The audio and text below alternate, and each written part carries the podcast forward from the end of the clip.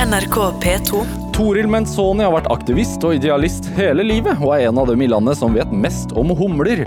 For syv år siden startet hun organisasjonen La humla suse, en idealistisk forening som setter fokus på humler og villbier.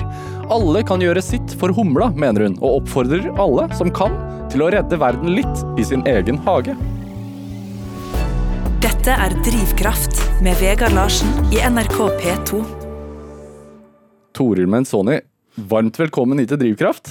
Kjempekoselig at jeg får lov å komme hit. Ja, det er veldig hyggelig å ha deg her. Altså, vi, vi ber jo stadig lytterne våre eh, om tips til gjester de mener eh, har inspirerende drivkraft, eh, som de tenker bør være her eh, i studio sammen med meg. Og flere har sendt eh, e-post og sagt at Toril Menzoni, hun må dere ha. Um, hva, hva tenker du når du hører noe sånn? Og da blir jeg kjempeglad, fordi at da får jeg jo først eh, da får jeg jo lov til å promotere, humlene, som jeg brenner veldig for. Og eh, jeg har veldig mange gode tips i forhold til hvordan du kan bidra til å hjelpe humlene. For humlene de trenger menneskelig hjelp. Ja, Jeg gleder meg til å høre alle disse tipsene. Men altså, kan jeg se hendene dine? Nå sitter vi ganske langt fra hverandre. Andre siden òg?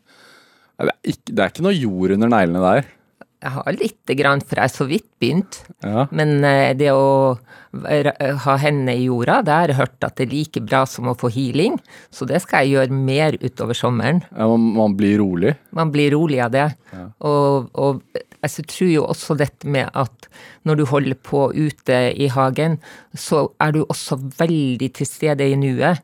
Og det har vi veldig godt av, vi mennesker. Ja. Det er jo litt sånn under, under korona, eh, koronaepidemien da, som, som har gjort at mange må være hjemme, så hører man jo at folk er mye mer ute i hagene sine enn det de vanligvis er. Ja, og det er jo sånn at jeg har hørt at flere hagesenter er tatt på senga, for de har ikke vært forberedt på at det skulle komme så mange inn til eh, hagesentrene og handle. Og for de som ikke har fått handla så mye, så vil jeg si vær kreativ og finn ut hvor er det du kan eh, få f.eks. tak i frø, kanskje det kan, det kan være naboer du kan bytte med, og nå er det også sånn, jeg vet ikke om eh, Bytte frø, ja. bytte frø. Altså du kan få Du gir noen frø til naboen, og så får du noen frø tilbake, ikke sant? Og eh, det er jo også hageselskap som du kan ta kontakt med hvis du har lite bl- frø som du ønsker. Og, for det at eh, det er kanskje blitt utsolgt på hagesentrene, jeg har ikke vært der og sett. ja. Det er vel sånn også at man til og med kan bestille en del frø på nett og få Ja. i postkassa? Det har jeg også gjort, så det er absolutt mulig å bestille frø på nett. Ja. Og så er det sånn, syns jeg er kjempeartig at eh, bibliotekene de åpner kanskje snart de òg. Og det er flere bibliotek i hele landet hvor du kan komme inn, og så får du noen frø. Er det sant? Ja, og så neste år så må du komme tilbake med de. Oi. Så er noen andre, ikke sant. Så det er, du bytter frø. Det er ikke bare bøker som kan skje på bibliotekene, det er også frø. Oi, sånn, bytter, så man låner, rett og slett? Man låner, og så gir man tilbake. Ja. Men da må man jo sanke frø, da. Ja, selvfølgelig må du sanke frø. Og det er jo en av de tingene jeg virkelig har tenkt å gjøre mye av til høsten. Og oppfordrer alle lytterne til å gjøre, for det blir jo så mye billigere, og det er så artig å være ute og, og lære litt om frø. Så sanke frø, det skal bli en viktig oppgave for meg til høsten. Ja, fordi du, Hvis jeg forstår det rett, så har du fått en, eh, en hageflekk eh, Altså Du bor i en første etasje, har du fått en hageflekk utenfor der? Ja, jeg har en, en Den er ikke så stor, men den, det er utrolig hvor mye jeg skal få plass til der. Og halve hagen min, den er spiselig. Og halve er blomster til eh, humla, til de solitære biene. Og eh, så er jeg veldig opptatt av at alle som flyr inn til meg, skal ha noe å spise. Hvor stor snakker vi? Hage? Nei, den er ikke så stor. Det vet ikke hvor akkurat det er. Ikke så, den er ikke så mange meter. Men man trenger ikke så veldig stor fart, eh, plass for å hjelpe humlene. Det er ikke nødvendig. Men hvordan begynner, altså Når du har tenkt sånn at halve hagen din skal være spiselig, halve skal ikke være det, altså hvordan har du kommet fram til det? Altså, bør man begynne å planlegge litt med hagen sin før man setter i gang? Absolutt, og det var det jeg gjorde. Og i fjor så begynte jeg litt å tenke på hvordan jeg skulle gjøre det, men i år så tenkte jeg nei, nå vil, vil jeg tenke litt annerledes. Og fordi at jeg ble veldig opptatt av matauk. Og, og eh, både fordi at eh, hvis jeg kjøper, setter ned egne frø, så vet jeg hva jeg får. Hvis jeg kjøper små planter, så vet du ikke om de er sprøyta. Og særlig hvis jeg skal Jeg har jo sådd både tomat og salat. Jeg vil vite hvor kommer disse frøene fra, og eh, at de ikke er sprøyta. Og så der blir det veldig flott. Hele sommeren så skal jeg bare Når jeg spiser jeg opp, og så har jeg en humletørk... Nei, en sånn tørke hvor jeg kan tørke de eh, blomstene, salat videre. Hva er en tørke? Timian. Det er en sånn tørke som eh, du kan kjøpe, som du kan tørke planter i. Du kan tørke epler å tørke, men du kan også tørke i ovn. Du kan tørke Bare henge det i et rom. Så det er mange muligheter for å også ha urter utover vinteren. Nå, nå er vi jo i mai. Hva er det Og, og du bor jo i Oslo. eh, Det er jo steder, steder i landet hvor, hvor man ikke har kommet like langt som her nede i, i forhold til eh, temperatur og, og, og eh, hva skal man si eh, årshjulet i hagen. Men, men eh, har du dyrket noe allerede? Altså Begynte du i mars, eller? Jeg, har, jeg begynte i eh, mars, ja. Da begynte jeg altså å, å så frø inne. Og nå holder jeg på, ser jeg på temperaturen. Om hvis det er mindre enn fire grader, så tar jeg de inn. Ellers står de ute om dagen. Og nå har jeg begynt å bli ganske Og jeg er så stolt at jeg har fått så ma mange ting som vokser i disse små pappeskene som jeg satt i. Men nord i landet, der er det ikke mulig å, å eh, begynne å, så, å sette noe ting ut nå, og det kan være mange steder det sned, så jeg vil anbefale, anbefale folk til bare begynn å gjøre, selv om jeg begynte i mars, så kan du begynne i mai. Det er bare begynn å få frø i, i plantefrø, og så kommer de opp, ikke sant. Og det som er smart, som jeg skal eh, investere i til neste år, er et bitte lite drivhus. For da blir du ikke så avhengig av at du må flytte de inn og ut, for da står de jo i drivhuset. Ja. Men Hva, hva er fint å putte i jorda nå, da? I mai måned? Her, Her i Oslo, for eksempel. I. Oslo, for eksempel, så kommer jeg til Både salat og tomat har jeg jo, og eh, ringblomster og blomkarse og reddiker, og så det masse du kan putte i jorda. Men en viktig pekepinn er når temperaturen er over fire grader hele døgnet. Da kan man begynne å putte ting ut. Da, jeg, eh, da kan du bare la det stå ute, og så begynne å få det i jorda. Jeg, vil, jeg planter ingenting i jorda før etter 17. mai. Ja. Men har du, har du noen gode sånne dyrketips for nybegynnere? Altså plante, begynne å plante ting inne er én ting, men altså, sånn som jeg selv har jo øh, nylig fått meg eh, hage. Der er det masse gress. Bør jeg grave opp det gresset? Nei, det, det, du trenger ikke å grave opp det gresset, men du kan jo skal gi et godt tips hvordan du kan sette poteter på deler av hagen din. Og uten å grave opp gresset i det hele tatt. Og fordi at hvis du begynner å grave, så ødelegger du mye av mikrolivet i jorda. Så da tar du ut et stykke så du har lyst til, og sånn her vil jeg ha potet, ikke sant. Det er jo veldig artig å ha egen potet å spise til høsten. Og så er det jo det nesten trylleriet, hvis du setter ned én, så kommer det mange på hver eneste potet, ikke sant. Så da legger du da, du må jo ha settepotet, Ja. oppå jorda. Og så tar du ti lag med aviser. Ti lag med aviser. Ja, altså ti blader. Ja, Ikke, ikke i ti aviser, men ti avisblader. ja. Så legger du det oppå, Gresset. oppå poteten. Oi, oppå poteten? Oppå poteten. Og så tar du ti centimeter med jord Ja. oppå der. Da blir gresset jord. Oi. Da bare venter du, og så neste år så har du fått jord under der. Og så må du være litt kreativ. Hva vil du ha på jorda da? Da kan du, Det tar jo lang tid utpå høsten, så kommer, får du poteter, ikke sant. Så da vil jeg ha sådd ringblomstfrø, eh, alle mulige forskjellige slags frø. De, de har noe bievennlige frø, eller hva du ønsker. Så oppå, oppå, Oppå jorda. Ja. Så det først er det altså du legger de potetene, settepoteter, oppå jorda, Nei, oppå gresset? oppå gresset, Ja. og så ti lag med aviser, Ja. og så ti centimeter jord, og så sår du noe over der. Oi. Det er en, det er en egentlig Jeg har ikke hørt, jeg har nettopp hørt av det, om det fra en anleggsgartner, og jeg syns det er en kjempegod idé, for at jeg syns ikke noe om For det første er det veldig mange som ikke liker Det er tungt å grave for mange. Ja. Og, og så har jeg så sans for at vi ikke ødelegger mikrolivet. Og disse avisene vil jo bare Ja, det blir, forsvinner jo, ikke sant. ja, Ja. trykksverte. ja. Ja. Så, eh, så det kan du gjøre i hagen din, da. Ja. Man må bruke tabloidavisene til noe. Ja, til noe som er bra. Men, men uh, uh, Toril du er jo uh, en eh, humledame, holdt jeg på å si. Uh, var med å starte organisasjonen La Humla Suse eh, for syv år siden. Eh, det er viktig for deg at du da lager en med hagen din lager en humlevennlig hage. Det er det. Hva er en humlevennlig hage? Eh, Da vil jeg eh, si til alle eh, rundt omkring i Norges land at eh, når dere skal lage en humlevennlig hage, så må dere finne ut hva er det, hvilke planter gror der du bor. Så jeg vil Det som er veldig en god idé, det er rett og slett dra til hagesenteret når det er litt sol. Så drar du dit, og så når humlene er kommet, og så ser du hva humlene liker. Altså man går rundt Du utenfor? går rundt inne i hagesenteret og utenfor når humlene er kommet, og så ser du hvor er det de setter seg.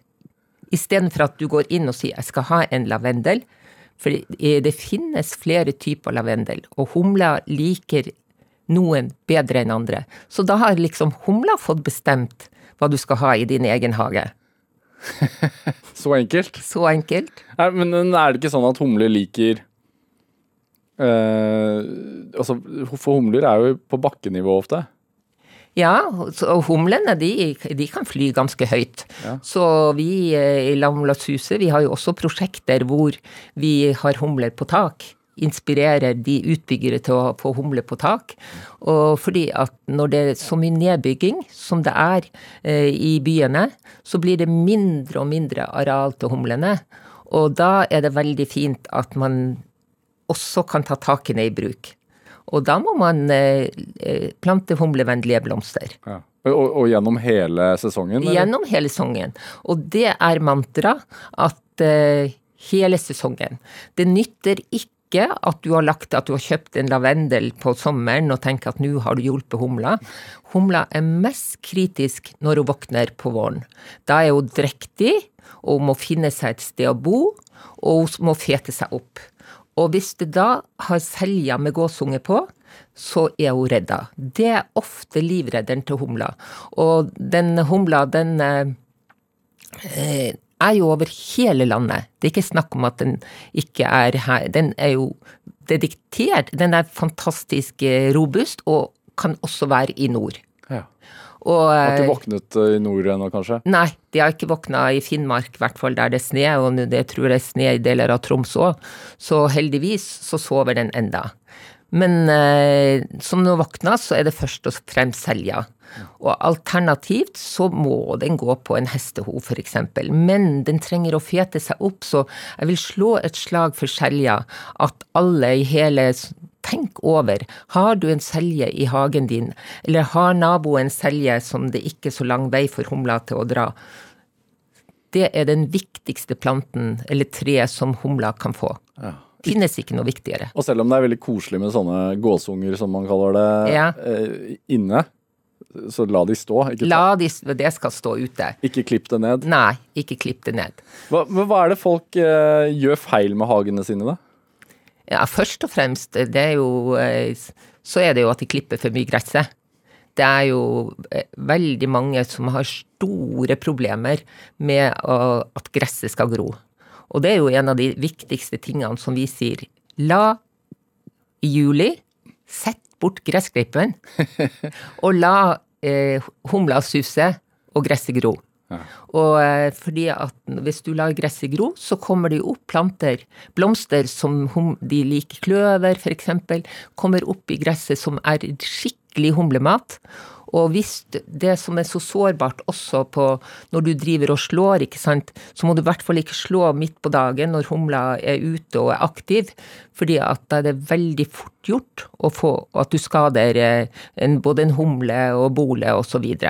Ja. Så, så jo mer Altså, jeg, jeg leste noe om at øh, øh, f- det Pga. korona så har folk vært hjemme tidligere enn før. Så man har begynt ute i hagen sin tidligere enn man vanligvis gjør. Ja. Og det også har kanskje klusset opp øh, årshjulet til insektene litt? Ja, og det er det som jeg tenker også i forhold til dette. Hvis du ikke vil eh, slå eh, hvis, hvis, du ønsker så inderlig at det skal være så fint, og naboene syns se på han, han har ikke slått plenen, ikke sant, så kan du jo i hvert fall la halve plenen stå til humla. Eller lage deg et sånt stort rufsehjørne hvor det er tistler, og for hun har veldig behov for å gjemme seg. Og, eh, så det er det viktigste. Og så at du må ha mat hele sesongen. Og da må du, når selja er over, så du eh, Er det masse ulike krydderplanter som du kan sette ut, også lavendel. Og så er det høsten. Det er jo også veldig sårbar, for folk kjøper stort sett mye til midt på sommeren.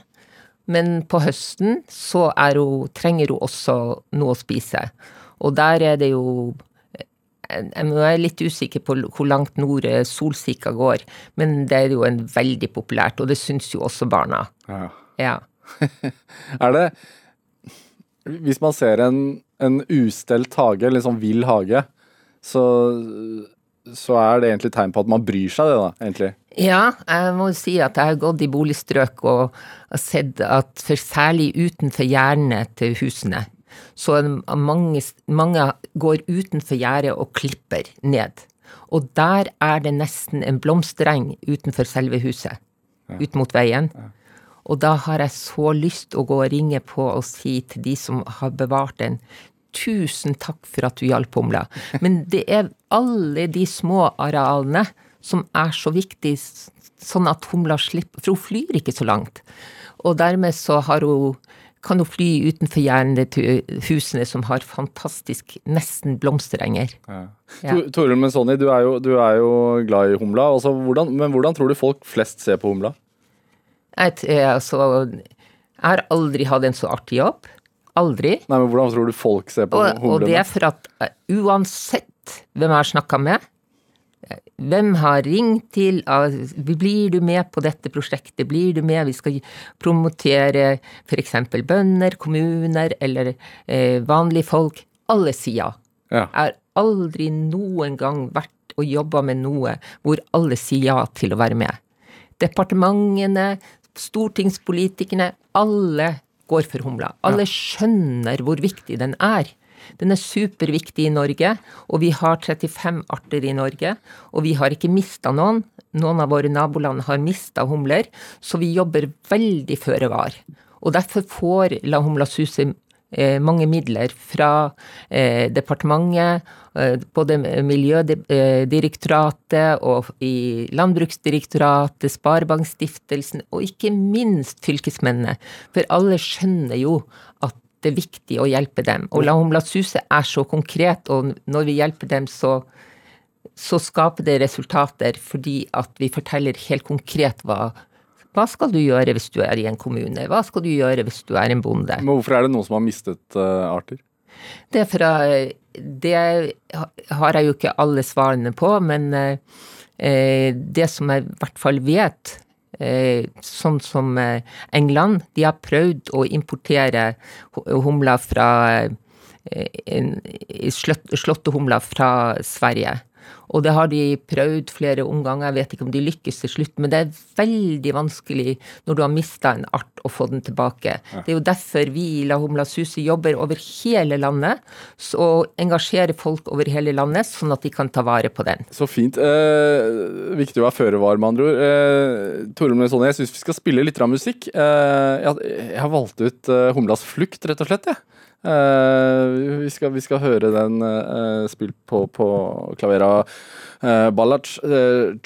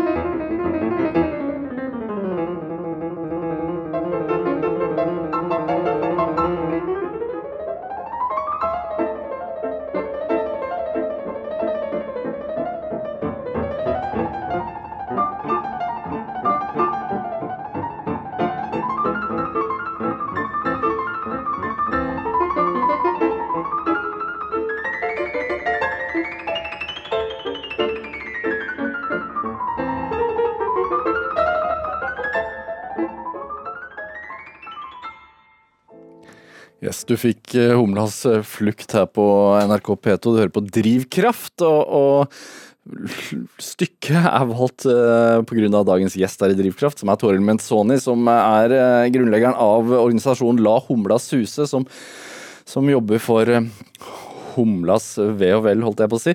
Eh,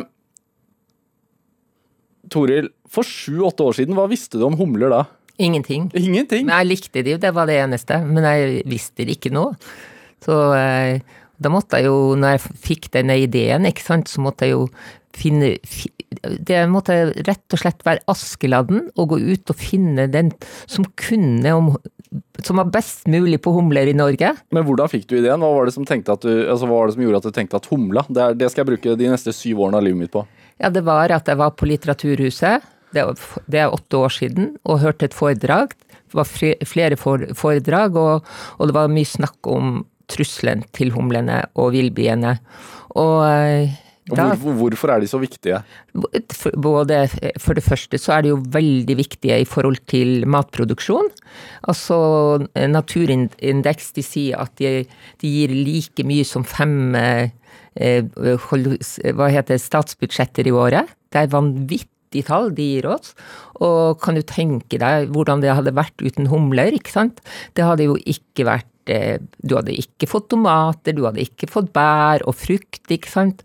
Og så er det fantastiske de gir oss med at de er så De kommer summende, og de er flotte farger, og folk blir så glad. De, altså I Finnmark så bringer de inn sommeren, og her i, i, i eh, Oslo-området så, de, eh, så, bringer de inn våren, ikke sant.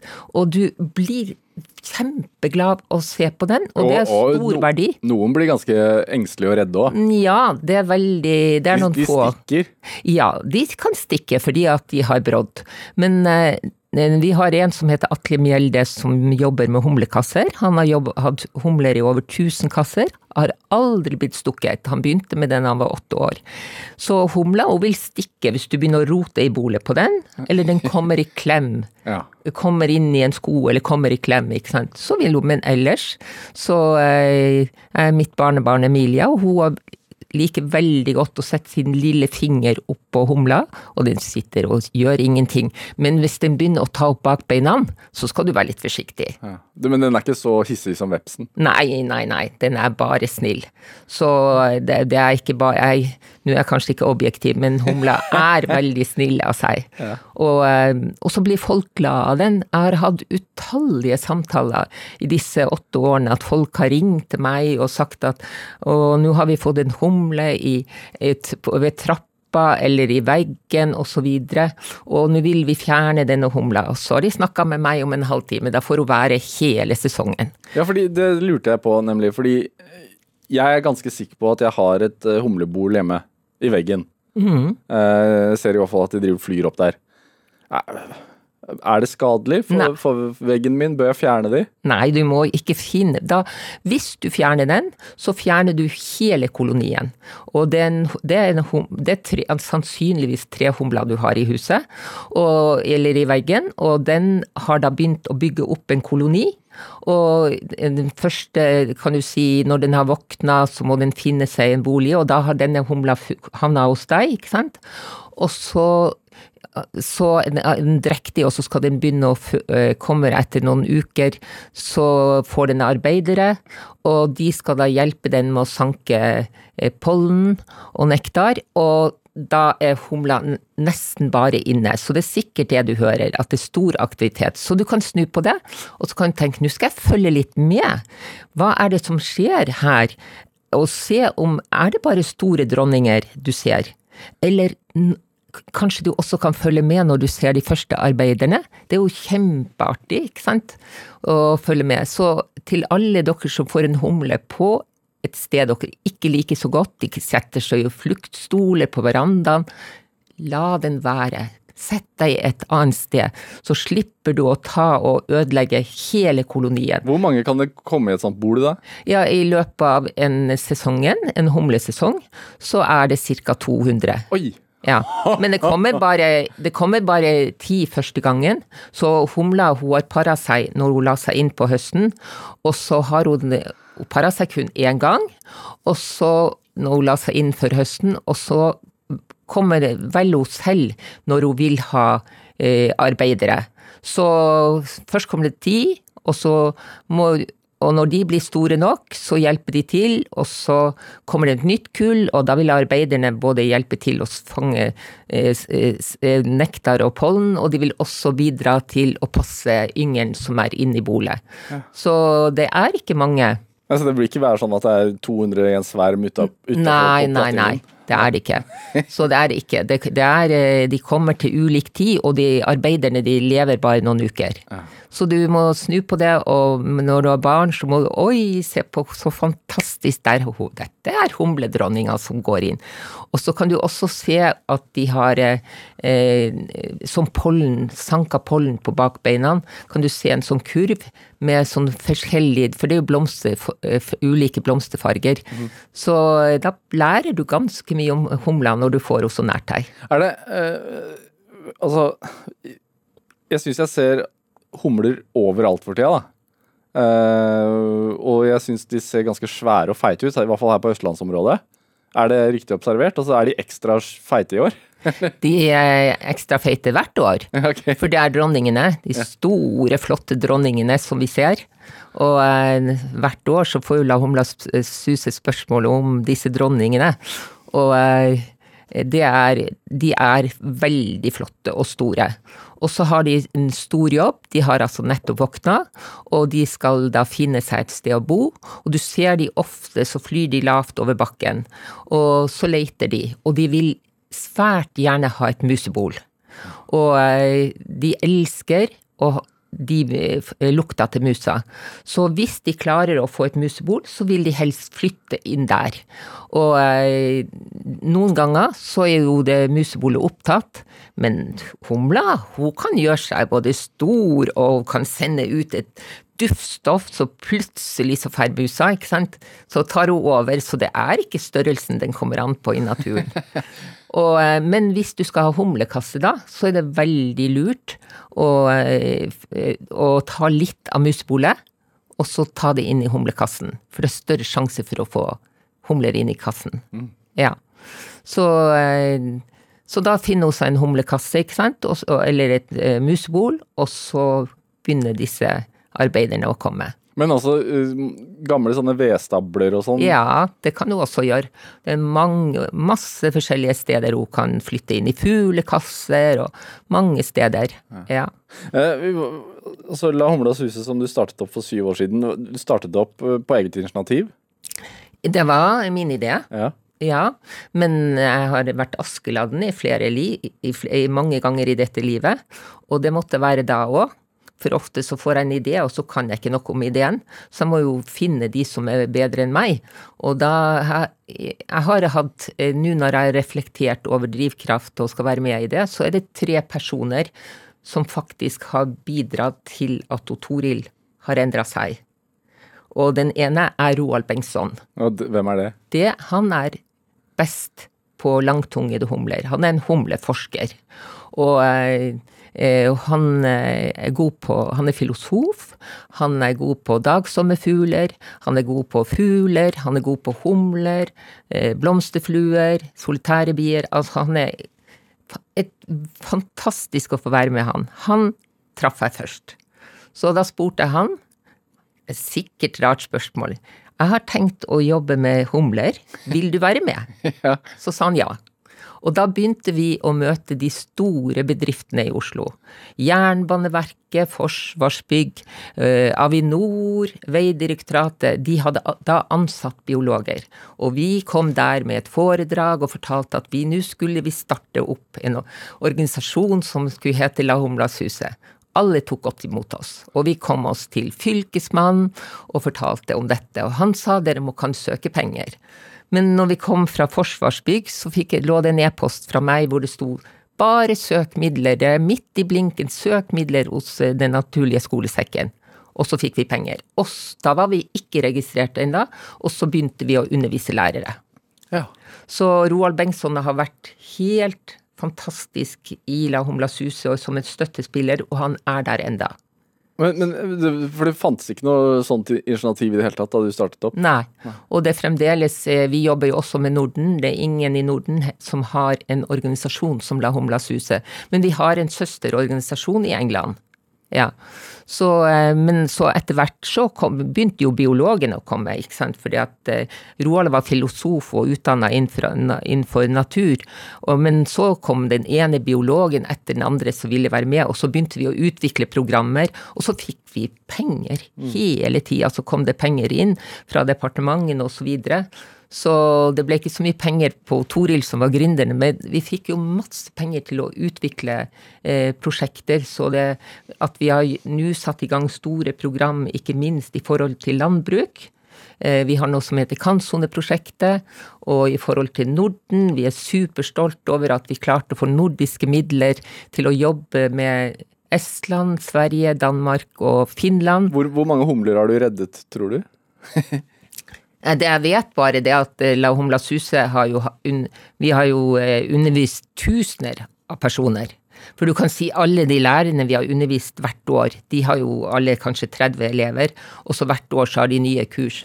Så det er vel Og vi har jo hatt kurs i over hele landet. Og humlevandringer over hele landet, så det er nok eh, Og så er det bare det, Vegard, at humlene trenger mennesker. De klarer seg ikke uten oss. Så enkelt er det. Ja.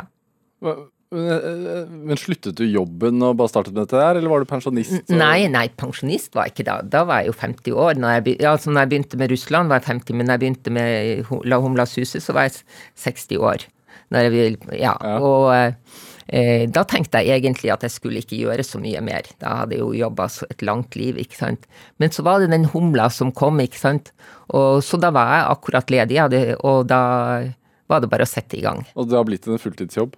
Det ble det med en gang. Ja. Ellers hvis ikke jeg hadde jobba fulltid, så hadde ikke La Humla Suse vært så stor. Nå har vi jo begynt å få faste stillinger, og enormt mange biologer er engasjert i, i eh, opplæring.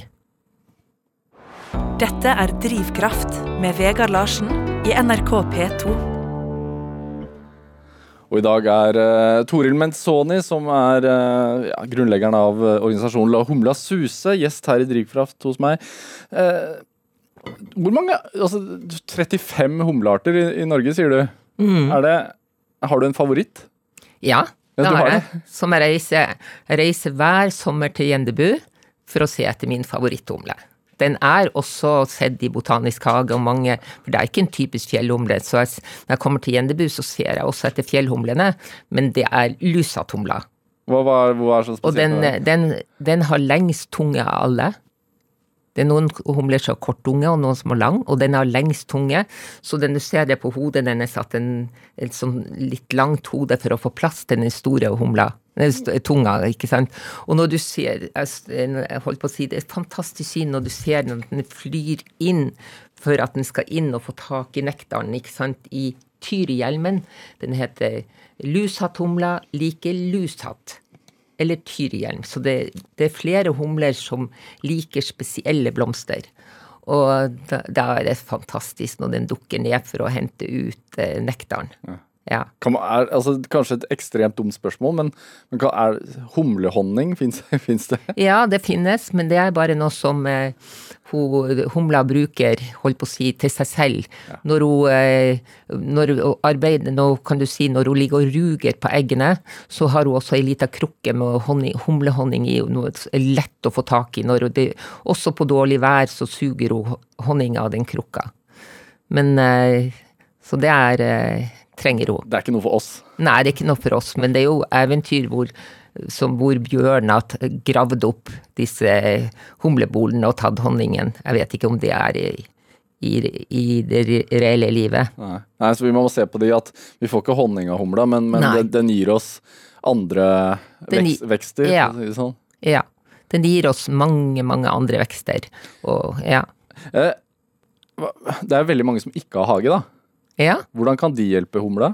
Med en gang hvis du har en liten eh, veranda, en altan eller noe sånt, så kan du bare sette ut bare Vi har også en blomstermeny, og så da ser du bare hva passer på våren, hva passer på sommeren, og hva passer på høsten. Du må tenke alle må tenke hele sesongen. Og hvis du har en hage, så kan du jo sette de potetene som jeg anbefalte, og du kan eh, sørge for at du har masse urter og lavendel på sommeren, og at du har Det er jo, holdt på å si, eh, mange flotte planter som også som er på høsten høstlyng, og som jeg nevnte, så er jo barn veldig glad i disse flotte solhattene. Ja. Ja. Men, men, dette med uh, Torbjørn Sonny, dette med um, interessen for uh, insektene eller uh, økologi og, og, landbruk og sånne ting, det er jo ikke noe som startet med La Humla og Suse. Du nevnte så vidt her i en halv setning at med Russland ja. hva, hva, var dette for noe? Da var, da var jeg jo 50 år. Og eh, jeg var akkurat slutta eh, fast, god jobb for at jeg ville bli gründer. Jeg ville jobbe mer med, med miljø. Ja, For du jobbet egentlig i Trygg Trafikk? Jeg jobba i Trygg Trafikk, jeg hadde en veldig god jobb der. Men eh, det, miljøperspektivet brant i hjertet mitt, og jeg tenkte skal jeg få jobbe med miljø, så må jeg hoppe av. Hvorfor brant det, tror du?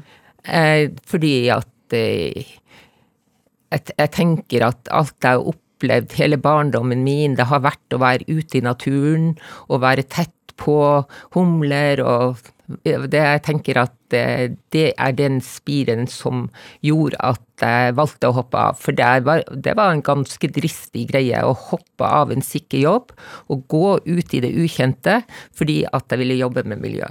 Og da var det det at ganske fort så kom jeg i kontakt med eh, noen gründere som hadde eh, fått besøk av ei dame som heter Kalina Silinish. Det var en forretningskvinne fra Russland. Hun vært, var i Norge og ville ha med seg gründere over til Russland. Og det var til Moskva.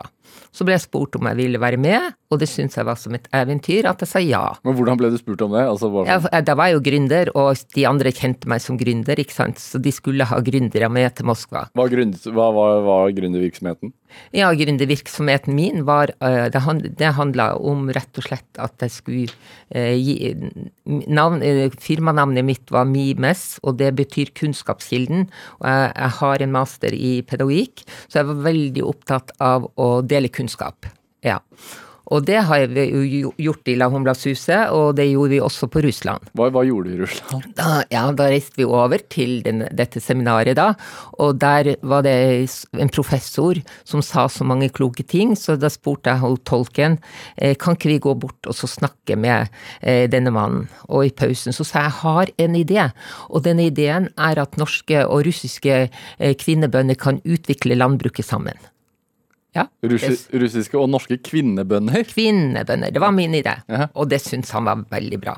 Så når jeg kom tilbake til Norge, så gikk jeg til Landbruksdepartementet og sa hør her, jeg, har, jeg, fikk komme inn til landbruksdirektøren. Jeg ringte og spurte, og jeg fikk komme inn. Sta?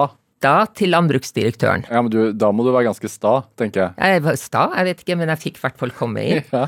Og da sa jeg til henne at det var en kvinne, og at Anne Katrine Fossum, tror jeg hun het, da om denne ideen. Og hun syntes det var en god idé at bønder utvikler hverandre i to land.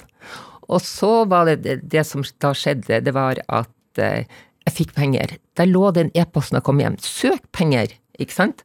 Det er bare å søke, det finnes penger. Og så eh, sto jeg der ikke kunne jeg noe om Russland, og ikke kunne jeg noe om økologisk landbruk. Nei, for du er ikke biolog heller. Nei. Nei. Så da måtte jeg være Askeladden igjen, ikke sant. Så det første jeg gjorde, det var å kartlegge folk som jobba med Russland. Jeg har lært av min venninne fra Reina fra Nederland at for hver person, hvis du skal gjøre noe nytt, så for hver person du snakker med, så må du spørre kjenner du noen andre. Og det, det gjorde jeg. Og til slutt så hadde jeg snakka med kanskje 10-15 personer som jobba med Russland. Og da valgte jeg å ha prosjektet i arkangelsk. Og så var det bare det at jeg skulle jo, det skulle være økologisk landbruk, og jeg hadde valgt at det skulle være Nordland, siden jeg sjøl er nordlending. Og da måtte jeg finne en bonde. Og da gjorde jeg det på samme måten. Til slutt så fant jeg Cleo de Laveris, som er den andre personen som har bidratt til at Toril har forandra seg. Ja. Og hun eh, da, Det vi skulle gjøre da, det var å ta først åtte kvinnebønder fra Arkangelsk til økologiske gårder i Nordland. Der skulle de være fra tre til eh, seks måneder. De kunne ingenting om økologisk jordbruk fra før, eller? Nei, Det, det, men de i Russland, de små bøndene, de hadde jo ikke kunstgjødsel, så de var ikke vant til å bruke det. Så de lærte nå mer om hvordan de kunne ta vare på jorda, og dyrevelferd, blant annet. Så da reiste og Toril og Cleo over, vi måtte ha kurer, for det var ikke e-post, det er 20 år siden. Så eh, vi fikk fylkesmannen i Troms til å ta med et brev til landbruksdirektøren og et brev til lederen av landbruksskolen, og så reiste vi dit, for vi skulle rekruttere disse kvinnene, det var første målet. Og så eh, dro vi dit. Og når vi kom dit, så satt, skulle vi jo intervjue de kvinnene, og da var det, sto det kø ute på gata fordi at det var så mange som ville til Norge. Og så skjedde det at de kom eh, over og var på de gårdene, og vi hadde samlinger med alle kvinner, med disse kvinnene, både norske og russiske. Og så fikk vi altså støtte i syv år fra Utenriksdepartementet for å jobbe med prosjektet i Russland. Hæ. Det var et eventyr. Hvorfor, hvorfor bare kvinner? Det, eh, kvinner i Russland er i en helt spesiell posisjon det er de som driver landet fremover. Og vi møtte jo veldig mange menn, sånn som landbruksdirektøren, lederen av landbruksskolen, men det er kvinnene som drar prosjektet, som drar familiene, som bygger samfunnet. Det er veldig sterke kvinner. Så det, vi prøvde oss å ha mannlig tolk. Vi gikk fort tilbake til kvinnelig tolk. Mm. Så det er, eh, kvinner har en veldig flott posisjon i Russland. Men hva, hvordan eh, er det prosjektet i dag? Altså Drives det fremdeles? Nei, det slutta når jeg begynte med eh, humlene, da hadde vi slutta det. Ja. Så syv år, det er utrolig lang tid å få støtte fra Utenriksdepartementet. Men vet du om de fremdeles driver økologisk landbruk? Ja, jeg har, jeg hatt kontakt med Russland forrige uke. Så det som ble resultatene av det prosjektet, det var jo at vi fikk etablert en økologisk landbrukslinje, og at der jobba vi med hest, sau, birøkt og, eh, og, prinsippene for økologisk landbruk, og ikke minst dyrevelferd. Så det var et kjempeartig. Og det er som et eventyr å få komme ut på alle disse gårdene. Og jeg har jo jobba med, eh, med, både i Russland, og jeg har jobba i Polen, en svipptur innen Romania og Nord-Norge, og nå Østlandet de siste årene med bønder. Ja, føler du da at du har gjort en reell forskjell der? Jeg føler jo at eh, at, gjort, eh, at, det blir en reell forskjell, fordi at du, de, du, lærer dem prinsipper som de selv kan ta vare på og få utvikla. Og det er jo byjenter som begynte å jobbe med bønder, ikke sant, og som sier at det er kanskje den artigste gruppa jeg jobber med. Jeg, jeg, jeg tror jeg tør å si det. Og så nå når jeg forlater Buskerud, eh, hvor vi har eh, med oss 13 bønder som vi har jobba med nå for tredje året, jeg må bare si jeg er blitt syns det er så fint. Det er storbønder Jeg jobber med småbønder i Arkangelsk. Små kvinnebønder. Nå jobber vi med store bønder, og det er nesten bare menn. Det er en dame i Buskerud. Og det er De skaper store resultater for humlene hvis de vet hva de skal gjøre for å legge til rette for dem. Ja, ikke sant? Så det økologiske jordbruket igjen bidrar til å hjelpe humlene? Ja, men eh, disse som vi jobber med i Buskerud, de, det er et eh, par som driver økologisk. De andre de, lever, de driver konvensjonelt. Men det de kan gjøre, det er å ta arealer fra gården sin, kantsone f.eks., hvor de kan få frem blomstene sånn at det blir noe å spise for humlene. Det er det det helt konkret går ut på.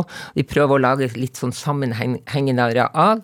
Og det er ikke så mye snakk om å, å, å sette frø i jorda, det er mer å rydde og få opp engfloraen som er under. Hva, hva, er det i deg som får deg, får, får deg til å skal man si, slutte i en fast jobb og, og, kaste deg rundt og gjøre sånne ting?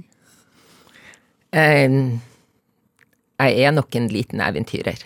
Og jeg, jeg, jeg har fullt hjerte. Det er det jeg har gjort hele tida eh, siden jeg var gründer. Så jeg sitter jo med en skattkiste av gode minner. Er det ikke litt skummelt, da? Ja, det er klart det er skummelt, fordi at jeg har ikke hatt så mye fokus på egen økonomi. Men eh, det er, det er Hvis du er kvinnelig gründer i dag i Norge, det er, det holdt på å si, de som klarer å stå i det, de er enten har de en mann, har de rike foreldre. Og jeg hadde ingen av delene. Så det var eh, veldig tøffe år hvor jeg sto i det fordi at jeg syntes det var veldig fint å hjelpe humlene. Ja. Men har det kostet noe, da? Sånn personlig? Ja, men kostet. Men det har gitt så mye. Ja. At jeg tenker at eh, hadde jeg skulle ha gjort den reisen, så hadde jeg kanskje gjort den en gang til. For jeg møter jo mange mennesker på, på min vei som bare tar en jobb fordi at det er god lønn. Jeg har gjort motsatt. Så det har eh, Derfor har jeg opplevd eventyr. Dette er Drivkraft med Vegard Larsen i NRK P2. Og i dag er grunnleggeren av eh, organisasjonen La Humla Suse, Toril Menzoni, her hos meg i Drivkraft på NRK P2.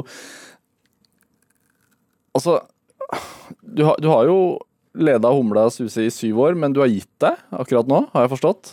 Ja, jeg har gitt meg. Hvorfor det? Ja, det var jo den koronaen som kom, og, og så Da fikk jeg jo veldig god tid til å tenke.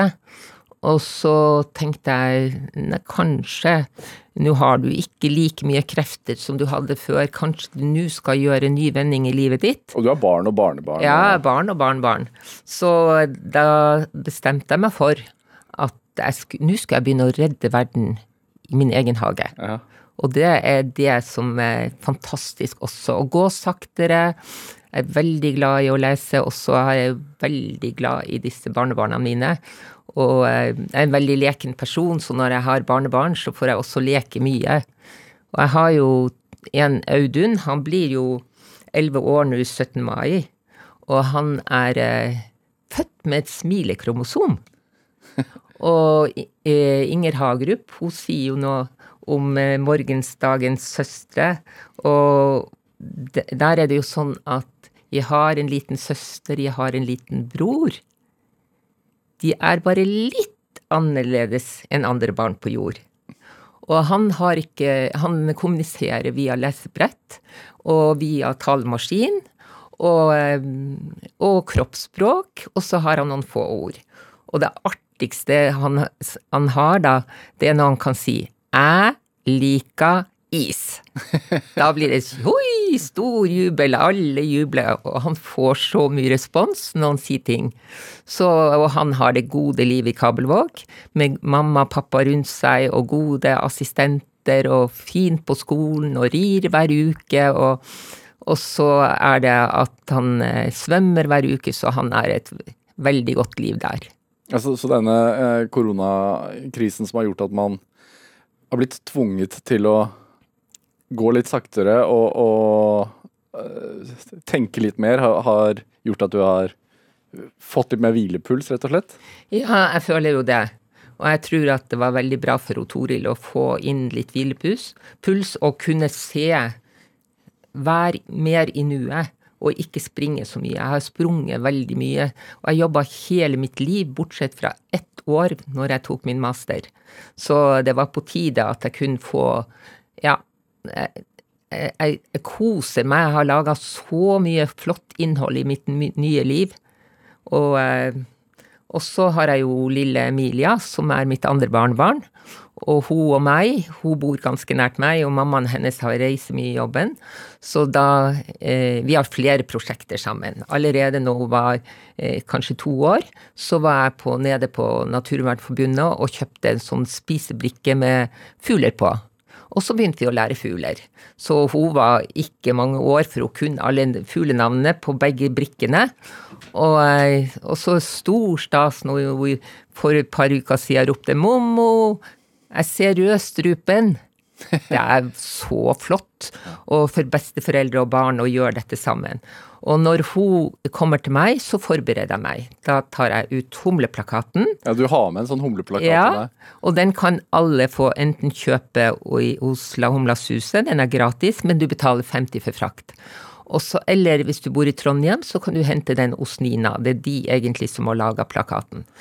Så da legger jeg den plakaten Vi har jo 35 arter og humler, så da legger jeg den ut, og så jeg, har jeg et glass, og så har hun et sånt lite eh, sånn insekts... Eh, som hun, eh, glass hvor hun med sånn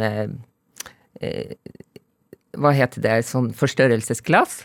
Og så fanger hun. Hun fanger skrukketroll og metemarker og marihøner, og så har hun ei lita bok om små kryp.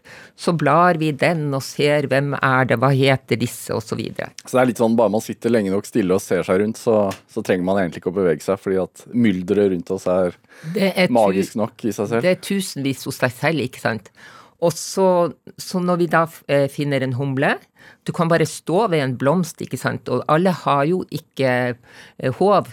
Men da bare vent, stå ved blomsten, og så når hun har landa på blomsten, så tar du og fotograferer den. Da må du eh, få med rumpa. Det er viktig for å kjenne igjen hvilken art var dette. Ja. ja. Så da jeg tar den i håven, og så tar jeg den inn i glasset, og så tar vi den bort til plakaten, og så ser vi hva heter denne her. Og da gjetter hun på hva den heter, og så har hun sjøl valgt at i år så skal vi ha rosa prikker på alle humlene vi ser. Neste år så skal vi ha en annen farge. Så da kan vi bruke den plakaten år etter år. Og nå når jeg blir mer og mer interessert og få flest mulig humler på besøk, så kommer jeg til å legge til rette mer og mer hvert år. Så da kommer det til å vises på plakaten at flere humlearter kommer inn. Fordi man kan ha flere forskjellige arter i sin egen man, lille hage? Ja, absolutt. Jeg tenker jo at de, av de 35 artene, så er det Buskerud, Heia Buskerud, som er det fylket som har flest humlearter. Og det, Derfor er det så synd at det heter Oslo Viken. ikke sant? For det, Vi kan ikke si Viken, for det er Buskerud som har flest humlearter. Og det er for at de har fjell, ikke sant? de har sjø, de har alt. Og, og, og, derfor, og det er ingen som kan slå Buskerud. Og Har de ekstra gode grønnsaker og Nei, frukt? Nei, det, det, det, at de har det terrenget, ikke sant. Ja. For humla og enten i fjellet, ikke sant, ved sjøen, og, eller i skogen osv., og, så og Buskerud har alt dette. Torunn Messoni, altså hvis du altså, Hvilke råd vil du gi andre som, som brenner for noe, men som, som, kanskje ikke får ut fingeren og, og våger helt å følge engasjementet sitt? Jeg har sagt det til mange ungdommer jeg har møtt, at eh, våg å følge drømmene. Og eh, det har eh, Fordi at eh, det, det, undrer meg over at 20-åringer må ha leilighet. Le, kjøpe leilighet. Kan de ikke bruke 20-årene til å Eh, bli litt kjent ute i verden og følge Alle har jo noen drømmer. Og jeg syns det er trist når jeg har møtt eh, folk som er kanskje 50-40 år, som sier at de ville gjøre noe annet, men de måtte gjøre noe hvor de kunne få god økonomi. Det er så våg å drømme og finne ut hva er det du har lyst til å gjøre. Og det er veldig mange som ønsker å jobbe med naturen. Og det finnes utallige måter å jobbe med naturen på. Ja. det er veldig fint, uh, Toril Menzoni. Uh, denne timen går mot slutten. Jeg tenkte vi skulle avslutte med låta 'Let's Twist Again', som du har med hit. Hvorfor har du valgt den låten? For jeg elsker twist, og jeg, jeg er bodøværing, og der hadde vi så kjempemye fin musikk når jeg vokste opp. Og den, når jeg hører det, Twist, så danser jeg den dag i dag. Ja, da avslutter vi med den. Eh, Tormund Sonny, tusen takk for at du kom hit til Drivkraft. Eh, du hører mer Drivkraft eh, i morgen, eller så kan du høre oss på nettspilleren din, eller laste oss ned som podkast. Eh, jeg heter Vegard Larsen. Eh, nå får du Let's Twist Again av Chubby Checker.